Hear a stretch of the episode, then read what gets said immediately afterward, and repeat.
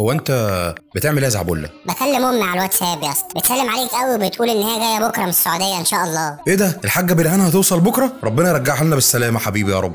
الله يسلمك يا اسطى. وكمان جايبه لنا معاها خبر حلو. الواد دودة ابن أختي هيفضل هنا أسبوع لحد ما أختي وجوزها ينزلوا في العيد إن شاء الله. ربنا يجمعكم على خير يا زعبل. أنت على كده بقى هتعوز أجازة في العيد. أكيد يا اسطى. بس أنا ودودة هنقضي معاك رمضان كله. تنورونا زعزع. لا ننور إيه يا اسطى؟ ده عيل شيطان. عيل مش طبيعي بيعمل أعمال غريبة. أغرب طفل ممكن تشوفه في حياتك يا اسطى. أغرب طفل ممكن أشوفه في حياتي؟ طب هتعمل سحور يا زعبله آه يا اسطى. روح أنت علق على الشاي وأنا هظبط لك سحور رايق عشان انت وعدني بحدوتة على الرايق النهارده. ماشي يا زعزع. أنا هقوم اظبط كوبايتين الشاي وانت جاي يا معلم ما تنساش تصلي لنا على حضرة جناب سيدك النبي.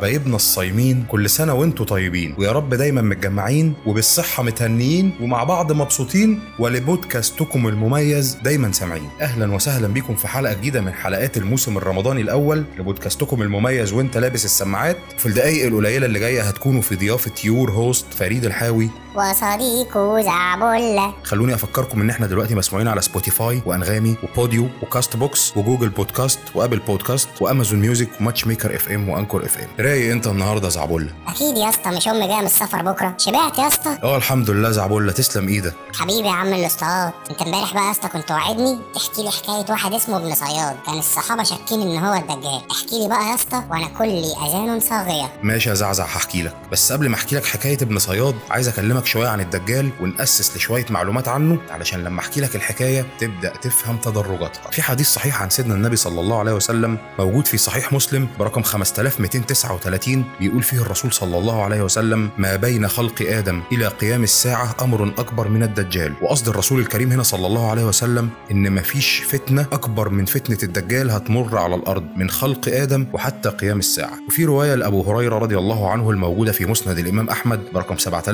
7564 عن رسول الله صلى الله عليه وسلم قال أما مسيح الضلالة فإنه أعور العين أجل الجبهة عريض النحر فيه دفأ. وقبل ما تسألني يعني إيه دفأ يعني انحناء تانية. وفي الحديث المرقم برقم 5209 في صحيح الإمام مسلم إن الدجال لا يلد ولد. وفي الحديث اللي رواه سيدنا أبو بكر رضي الله عنه خليفة رسول الله صلى الله عليه وسلم يقول حدثنا رسول الله صلى الله عليه وسلم أن الدجال يخرج من أرض بالمشرق يقال لها خراسان. وفي حديث تاني عن أنس بن مالك رضي الله عنه موجود في مسند الإمام أحمد بيقول إن الدجال سيخرج من يهودية أصفهان وخلفه سبعون الفا من اليهود وعليهم التيجان. تمام كده زعزع؟ لا طبعا يا اسطى مش تمام. أنا تهت خالص. تهت ليه يا زعزع؟ ده الموضوع لغاية دلوقتي ماشي بكل سلاسة وبساطة. التقيل لسه ما جاش يا ابني. بس أنا هبسطها لك. الأحاديث قالت إن فتنة الدجال دي أكبر فتنة هتمر على الأرض من خلق آدم وحتى نهاية الزمان وإن هو أعور وإن هو لا يولد له ولد وهيخرج من أرض اسمها خراسان أو يهوديه أصفهان وهيتبعه عدد سبعين ألف من اليهود. تمام كده؟ آه تمام كده يا برنجي. برنجك ماشي يا متربي. وصلتك بعض صفات الدجال؟ تعالى بقى يا معلم نتكلم عن ابن صياد.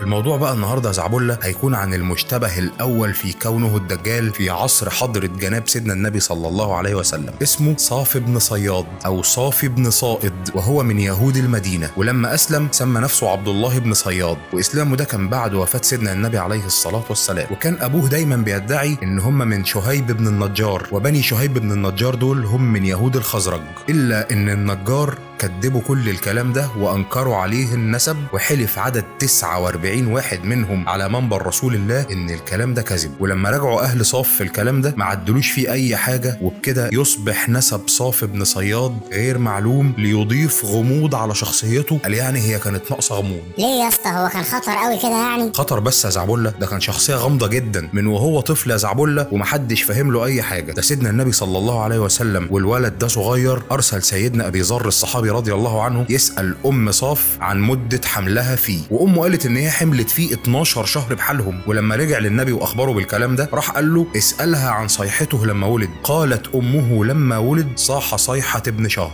إيه ده إيه ده يا اسطى؟ يعني الكلام ده معناه إيه؟ طب أنا مش فاهم. إزاي حملت فيه 12 شهر؟ الكلام ده زعبولة معناه إن هو مش إنسان طبيعي مش بني آدم زي بقية البني آدمين. صف بن صياد ده زعبولة اتولد مختون وكان أعور بعين ناتئة بس لم تكن بارزة وكان بيخبر الناس عما تخفي صدورهم ويتنبأ لهم بمستقبلهم. وفي وسط مجتمع صحراوي بدائي زي المجتمع اللي كان موجود فيه سيدنا النبي عليه الصلاة والسلام الكلام ده كان بيعمل بلبلة جامدة جدا وكان بينتشر انتشار رهيب وبيعمل قلاقل وسط الناس. وبالأخص إن الكلام ده كان بيحصل وموجود فيه نبي فجمع النبي رهط من رجاله والرهط ده اللي هو أقل من عشرة. وكان موجود فيهم الفاروق عمر بن الخطاب رضي الله عنه وتوجه إلى صاف بن صياد. وكان الطفل قاعد قدام بيته وبيلعب مع جماعة من الأطفال جيرانه. فلما وصل النبي صلى الله عليه وسلم ورجاله بعدت الاطفال عن صاف وبقى صاف وحده. فراح له سيدنا النبي ودار بينه وبين الطفل حوار غريب جدا.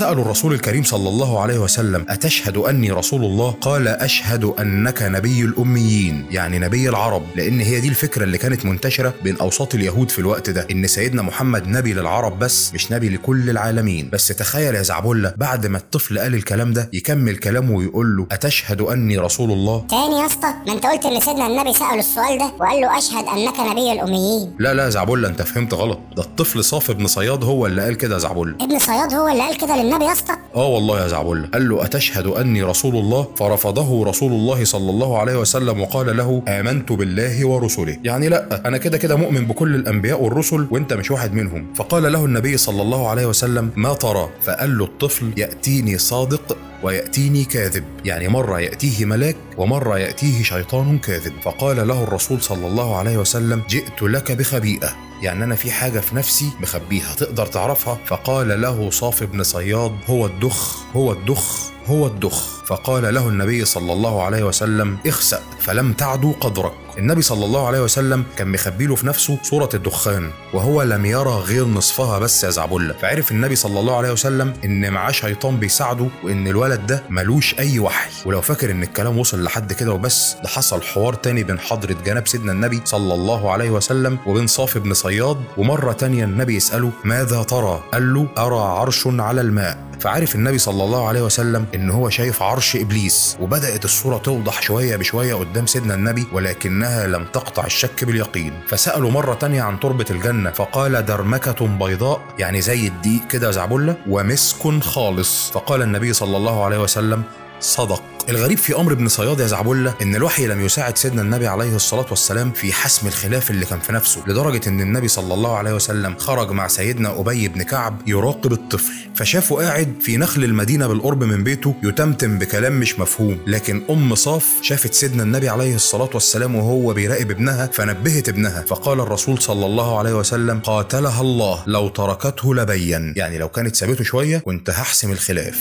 وكان سيدنا عمر بن الخطاب دائم الحلف والقسم أمام سيدنا النبي عليه الصلاة والسلام بأن ابن صياد ده هو المسيح الدجال ولم ينكر عليه اليمين مرة واحدة رسول الله صلى الله عليه وسلم إلا إن صاف مرضيش يكمل حياته كده زيه زي أي بني آدم طبيعي. فأسلم صاف بعد وفاة سيدنا محمد عليه الصلاة والسلام وبعد ما أسلم خرج حاجا أو معتمرا مع جماعة من أهل المدينة بس الناس كانت لسه بتقلق منه ففضلوا بعيد عنه ومحدش فضل جنبه غير أبي سعيد الخدري ودار بينهم حوار غريب جدا أنكر فيه عبد الله بن صياد. إن هو الدجال لأن هو قال له إن سيدنا النبي عليه الصلاة والسلام قال إن الدجال لا يدخل المدينة وأنا من سكان المدينة والدجال كافر وأنا مسلم وإن الدجال عقيم لا ينجب وأنا عندي من البنين اتنين وتركتهم في المدينة وبالمناسبة في واحد منهم هيبقى من أكابر التابعين ومن رواة الحديث. فبدأ أبي سعيد الخدري يحن كده وفعلا بدأ يصدق كلامه إلا إن هو قال له كلمة غريبة جدا بعد ما خلص كلامه. قال له والله إني أعرفه وأعرف مولده وأعرف أين هو الان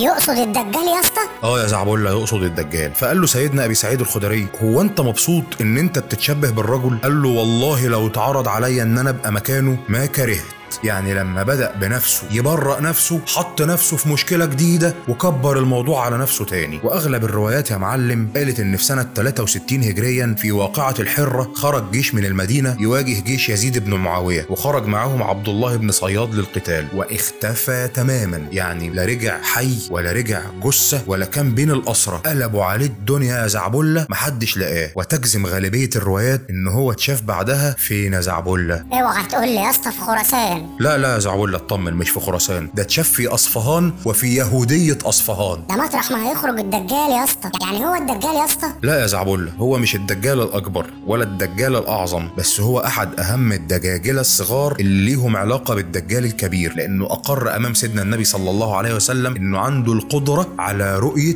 إبليس. أنا في حاجة نسيت أقول لك عليها يا زعبلة إن سيدنا عمر بن الخطاب كان حاطط دايما الراجل ده في دماغه. فلما ادعى النبوة أمام سيدنا النبي عليه الصلاة والسلام قال له أنا هقتله يا رسول الله سأضرب عنقه. أم سيدنا النبي عليه الصلاة والسلام قال له لا يا عمر لو كان هو الدجال فما قدرت عليه مش هتقدر عليه لأن مش أنت اللي مسلط عليه. إحنا عارفين مين اللي هيقتل الدجال. وإن لم يكن هو فلا نفع. لو ما كانش هو فمالوش لازمة قتله ده طفل صغير وإحنا عاملين معاهدة مع يهود المدينة فمش هنكسب حاجة بقتله. شفت بقى يا زعبلة الراجل ده قد إيه قصته عجيبة وغريبة. أنا اتهد حيلي وأنا بحكي لك يا آه شفت يا اسطى. أنا كنت فاكر الواد دودة ابن أختي أغرب طفل اتولد في الوجود. بس أنت فعلا اتهد حيلك في الحكاية النهارده يا اسطى. لا بجد جزاك الله خير. يا اسطى يا اسطى إيه ده أنت نمت طب اتمسى بالخير